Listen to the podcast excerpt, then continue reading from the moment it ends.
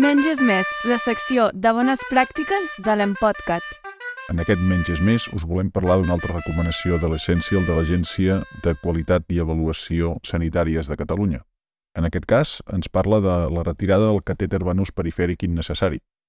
Resulta que a Catalunya l'any 2021 el 66,3% dels pacients ingressats se'ls havia posat un catèter venós perifèric. El 2008 va ser un 73%. Em semblen pocs i tot, vista la quantitat de catèters que posem cada dia. Tots els catèters venosos tenen complicacions, més els venosos centrals que els venosos perifèrics, però també en posem molts més de perifèrics. Per tant, al final s'acaben equilibrant la quantitat d'episodis de bacterièmia, que és una de les complicacions, per exemple, s'acaben equilibrant la dels catèters venosos perifèrics, que van ser 196 l'any 2019, que dels catèters venosos centrals. Cal destacar que les complicacions associades a aquest catèter són evitables.